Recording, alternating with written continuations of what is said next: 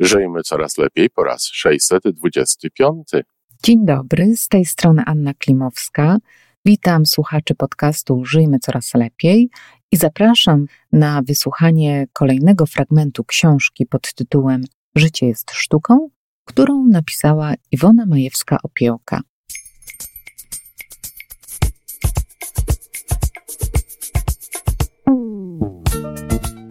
Witamy w kolejnym odcinku podcastu Żyjmy Coraz Lepiej. Podcastu z dobrymi intencjami i pozytywną energią, ale także z rzetelną wiedzą i olbrzymim doświadczeniem we wspieraniu rozwoju osobistego. Chodzi nam o to, aby ludziom żyło się coraz lepiej, aby byli coraz bardziej spełnieni, radośni i szczęśliwi. A że sposobów na spełnione życie jest tyle, ile nas, więc każdy musi znaleźć ten swój. A teraz już zapraszam do wysłuchania kolejnego odcinka. Złote chwile dla ciała. Kiedy odpowiednio dbamy o siebie, o wszystkie wymiary naszego funkcjonowania ciało, emocje, intelekt i ducha życie jest lepsze. Na tym w dużej mierze polega sztuka życia. Dbanie o siebie powinno być czymś nie tylko oczywistym, ale także przyjemnym. A jednak nie każdy dba o siebie tak, jakby chciałaby tego jego wyjątkowa, jedyna taka osoba. Ja sama łapię się na tym, że nie zawsze robię to dobrze. Wydawałoby się, że najłatwiej zadbać o ciało, to takie oczywiste. Jednak mnogość teorii, podpowiedzi i propozycji w tym temacie sprawia, że wcale nie jest to takie oczywiste. Ponadto nie jest łatwo odróżnić potrzebę od podpowiedzi ego i znaleźć granicę pomiędzy rozpieszczaniem wskazane, a rozpuszczaniem niewskazane. Dlatego trzeba uważnie słuchać, co mówi nasze ciało, czego naprawdę potrzebuje, na co dobrze odpowiada, kiedy jest mu naprawdę dobrze. Nie wszystkim ludziom służy ta sama dieta, taki sam ruch, czy w ogóle ten sam styl życia. Niby istnieją pewne ustalenia specjalistów, ale one zmieniają się w czasie, a także zależą od szkoły, jaką reprezentuje dany badacz czy propagator idei. Czy pamiętasz, co o specjalistach mówił Viktor Frankl? Może być tak, że jakieś drzewo przesłania las. Często także ludzie polecają innym po prostu to, co służy im samym. A przecież to, co jest dobre dla mnie, nie musi być dobre dla kogoś innego. W tym wszystkim niezwykle istotny jest również element wiary. Jeśli wierzy się prawdziwie, że coś nam służy, zwykle służy. Warto pamiętać, że troszcząc się o ciało, chcemy, żeby to, co dla niego robimy, nie tylko mu służyło, ale również było przyjemne. Dotyczy to także innych obszarów. We właściwej trosce o każdy obszar ludzkiego funkcjonowania nie chodzi jedynie o utrzymanie go w dobrej kondycji, ale okazywanie sobie, że uważa się siebie za ważną, kochaną istotę, której pragnie się dostarczać przyjemności. Jestem zwolenniczką szkoły, w której mówi się, by nie męczyć zbytnio swojego ciała, nie zadawać mu niepotrzebnego bólu, nie dawać mu wycisku, jak to niektórzy z dumą mówią, ale rozszerzać delikatnie jego możliwości. Warto również pamiętać o tym, że wiek człowieka ma swoje prawa, a udawanie młodszego niż się jest może pozbawić nas szansy na piękne przeżycia charakterystyczne dla dojrzałego wieku.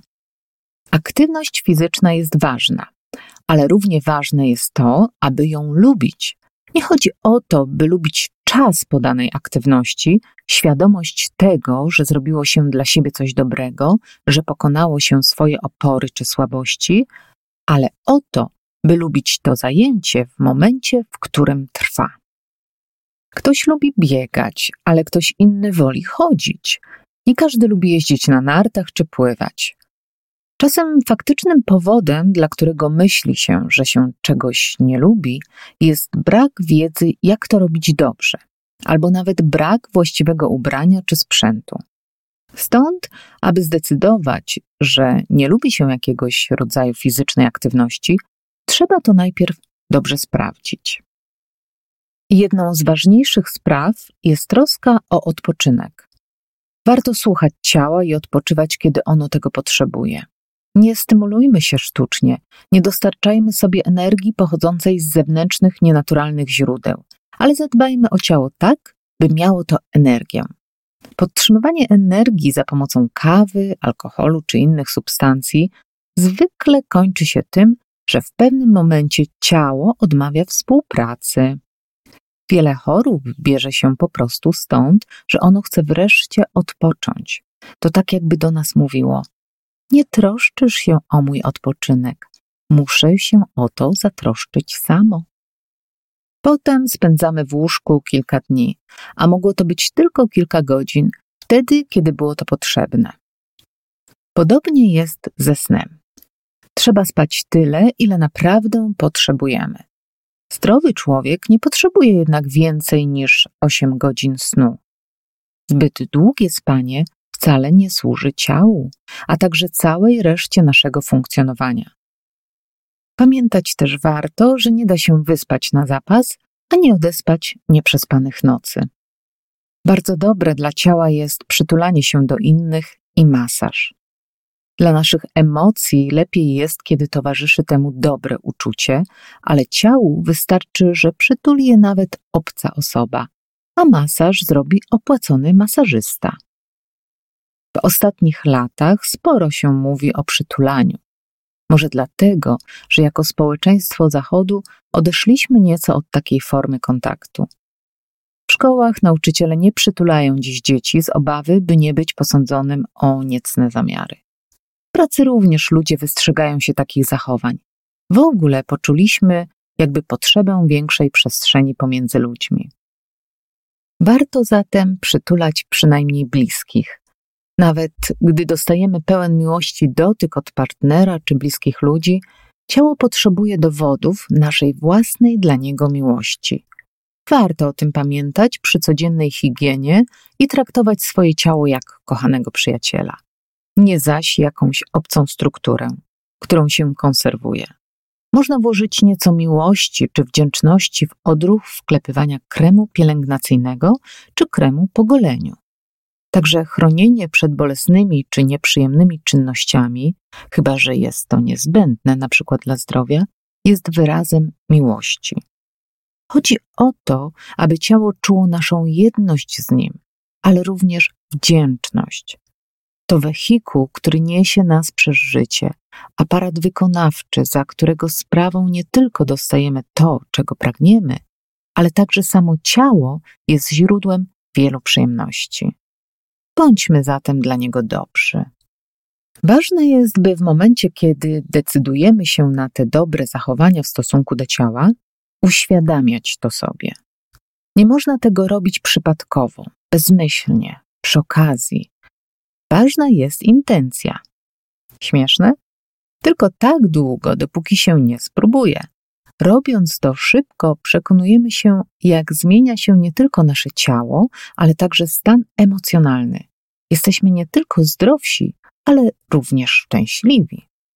Twój ruch. Zadanie jest proste.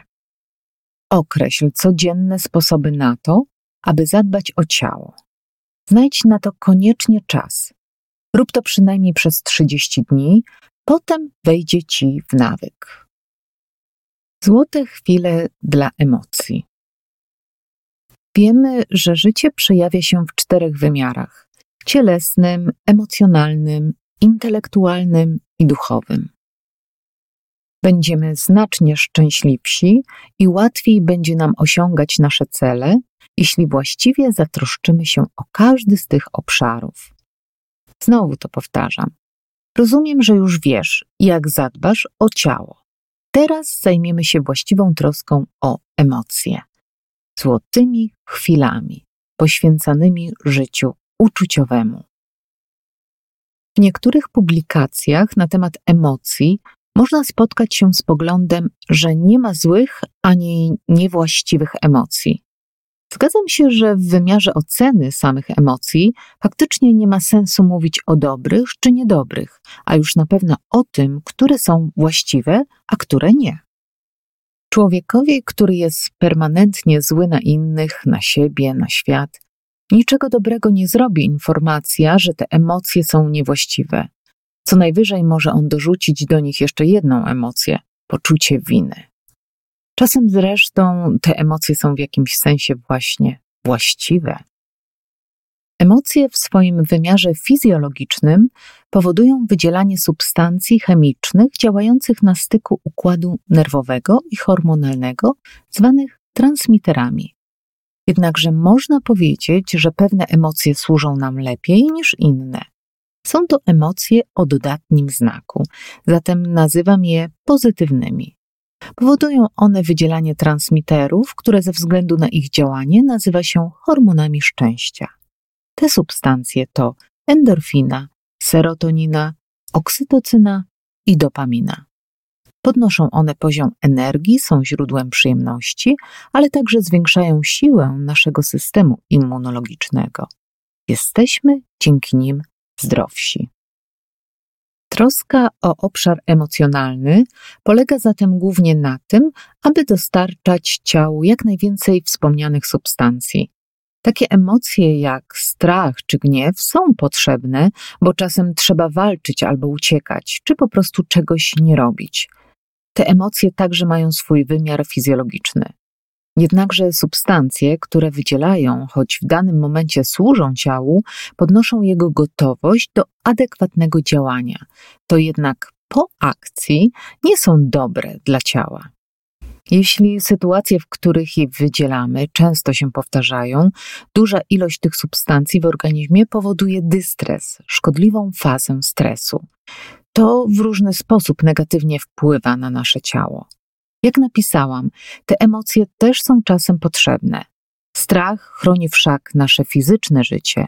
Gniew mówi o tym, że coś lub ktoś częściej blokuje nam nasze dążenie do szczęścia.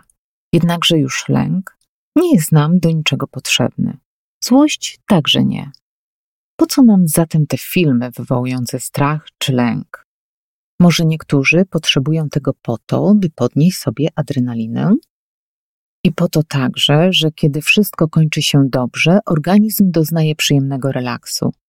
Jednak nie zawsze wszystko kończy się w tych filmach dobrze i długo jeszcze organizm wypełniają pozostałości stresu wywołanego filmowymi scenami. Warto też wiedzieć, że istnieje uzależnienie od adrenaliny, popychające nas w kierunku doświadczeń, produkujących jej coraz więcej. Życie bez ekstremalnych przeżyć wydaje się po jakimś czasie nudne. I po co nam złość, jeśli wszystko, co z nią robimy, to poddajemy się jej, przeżywamy, epatujemy nią? Co możemy robić, aby najlepiej zadbać o obszar naszych emocji? Niektóre zachowania są wspólne dla innych obszarów, zwłaszcza dla ciała. Trzeba dobrze spać. Ważne jest też, jak wygląda nasza sypialnia. Dobrze, aby była przyjemna i lepiej, by nie było w niej telewizora, ni urządzeń, z którymi pracujemy na co dzień, takich jak laptop czy nawet telefon. Energia tych urządzeń, jak również sama świadomość ich obecności, może zakłócać prawidłowy sen. Pierwszą poranną czynnością po obudzeniu się powinien być uśmiech. Dobrze dołączyć do niego uczucie wdzięczności, choćby właśnie za minioną noc i kolejny dzień, ten co przed nami. Nauczyłam się od Wayne Dyera zaczynać dzień od trzykrotnego podziękowania. Dziękuję, dziękuję, dziękuję. Warto ubierać się tak, by było to miłe dla ciała, ale i dla oka. Czujemy się znacznie lepiej, kiedy podobamy się sobie i kiedy wiemy, że właściwie o siebie zadbaliśmy. Radością dla emocji jest jedna mała czekoladka makaronik. Chodzi o rodzaj francuskich słodkości, czy nieduże ciasteczko. Koniecznie podane na ładnym talerzyku. Dobrze jest mieć stałą godzinę takiej uczty. Muzyka, filmy, teatr, książki to wszystko jest pożywką dla emocji, a czasem także dla intelektu. Dobrą funkcję pełnią również seriale. Ich bohaterowie zastępują niektórym ludziom, zwłaszcza starszym i samotnym, bliskich, a ich losy stają się dla tych widzów bardzo ważne. To wszystko powoduje, że ludzie tak traktujący siebie są zwykle bardziej pogodni. Jeśli natomiast przyjrzymy się dobrze emocjom miłośników wszelkiego rodzaju horrorów i thrillerów, łatwo zauważymy, że nie są one spokojne, miłe, ciepłe i harmonijne. Człowiek jest w stanie zmieniać swoje emocje na wejściu, a skoro tak, to troska o emocje może się przejawiać również w taki sposób, zmieniając emocje na takie, jakich pragniemy. Wszak to my nazywamy jakąś sytuację czy jakieś zjawisko, my obieramy do nich określone postawy. Tak naprawdę to my decydujemy się na gniew, strach, niechęć albo na radość, wdzięczność, poczucie bezpieczeństwa, miłość. Ponadto możemy nie tylko unikać niektórych doświadczeń, ale także odmawiać przyjmowania pewnych myśli. Nie zgadzam się na tę myśl, nie chcę tych myśli, czy jak mówiła Scarlett O'Hara, pomyślę o tym jutro. To tylko przykładowe odprawy dla negatywnych myśli. Warto też pamiętać, że nawet o najbardziej trudnych sytuacjach czy doświadczeniach można mówić dobrymi słowami. To natychmiast nadaje naszym wypowiedziom bardziej pozytywny ładunek emocjonalny, nawet wtedy, kiedy mówimy o sprawach nieprzyjemnych. Dobre słowa to zatem kolejny ważny element troski o emocje. Świat w naszej świadomości i podświadomości zależy od tego, jak go nazywamy. Uważajmy zatem, jakim językiem się posługujemy. Dobrą czynnością dla naszych emocji jest pisanie pamiętnika. Możemy w nim rozważać niektóre zdarzenia, kanalizować emocje, a także pisać o tym, co tylko my sami jesteśmy gotowi słyszeć. Coraz częściej do prowadzenia dzienników zachęca się mężczyzn, zwłaszcza tych, którym na co dzień towarzyszy silny stres. Nic nie jest tak dobre dla naszych emocji, jak wartościowy czas spędzany z ludźmi. Nie tylko nasi bliscy czy ci, których kochamy, dostarczają nam pożywki dla emocji. Ciepłe czy pełne radości spotkania nawet z nieznajomymi dostarczają dobrych uczuć, a zatem dobrej chemii. I znowu, jak w wypadku ciała, nie wystarczy, aby to wszystko zaistniało, ale potrzebna jest deklaracja zamiaru zadbania o emocje. Chodzi o to, aby dbać o emocje intencjonalnie, aby robić pewne rzeczy właśnie po to, aby obszar emocjonalny nie tylko miał odpowiednią liczbę bodźców, ale aby był właściwie zadbany, aby były to bodźce generujące dobre emocje. Tylko tak pojmowana troska o emocje to dla nas złote chwile. Twój ruch. Korzystając z zawartych w tym rozdziale informacji, przemyśl i zaplanuj swój sposób intencjonalnego dbania o obszar emocji. Dziękuję bardzo za wysłuchanie fragmentu książki. W dzisiejszych dwóch rozdziałach skupiliśmy się głównie na naszym ciele i naszych emocjach. Opisane podpowiedzi być może wielu z nas stosuje lub wykonuje automatycznie na co dzień, ale na pewno do lepszego życia, tak jak podpowiada autorka, dla tych, którzy być może szukali czy szukają rozwiązań, jest po prostu codzienna deklaracja dbania o nasze ciało i umysł. Jeszcze raz bardzo dziękuję i do usłyszenia za dwa tygodnie. Dobrego dnia. I to wszystko na dzisiaj. Podcast Żyjmy Coraz Lepiej jest stworzony w Toronto przez Iwonę Majewską-Opiełkę i Tomka Kniata. Sześć razy w tygodniu przygotowujemy dla Was nowy, ciekawy odcinek. Jeżeli lubisz nas słuchać, to prosimy o reakcję.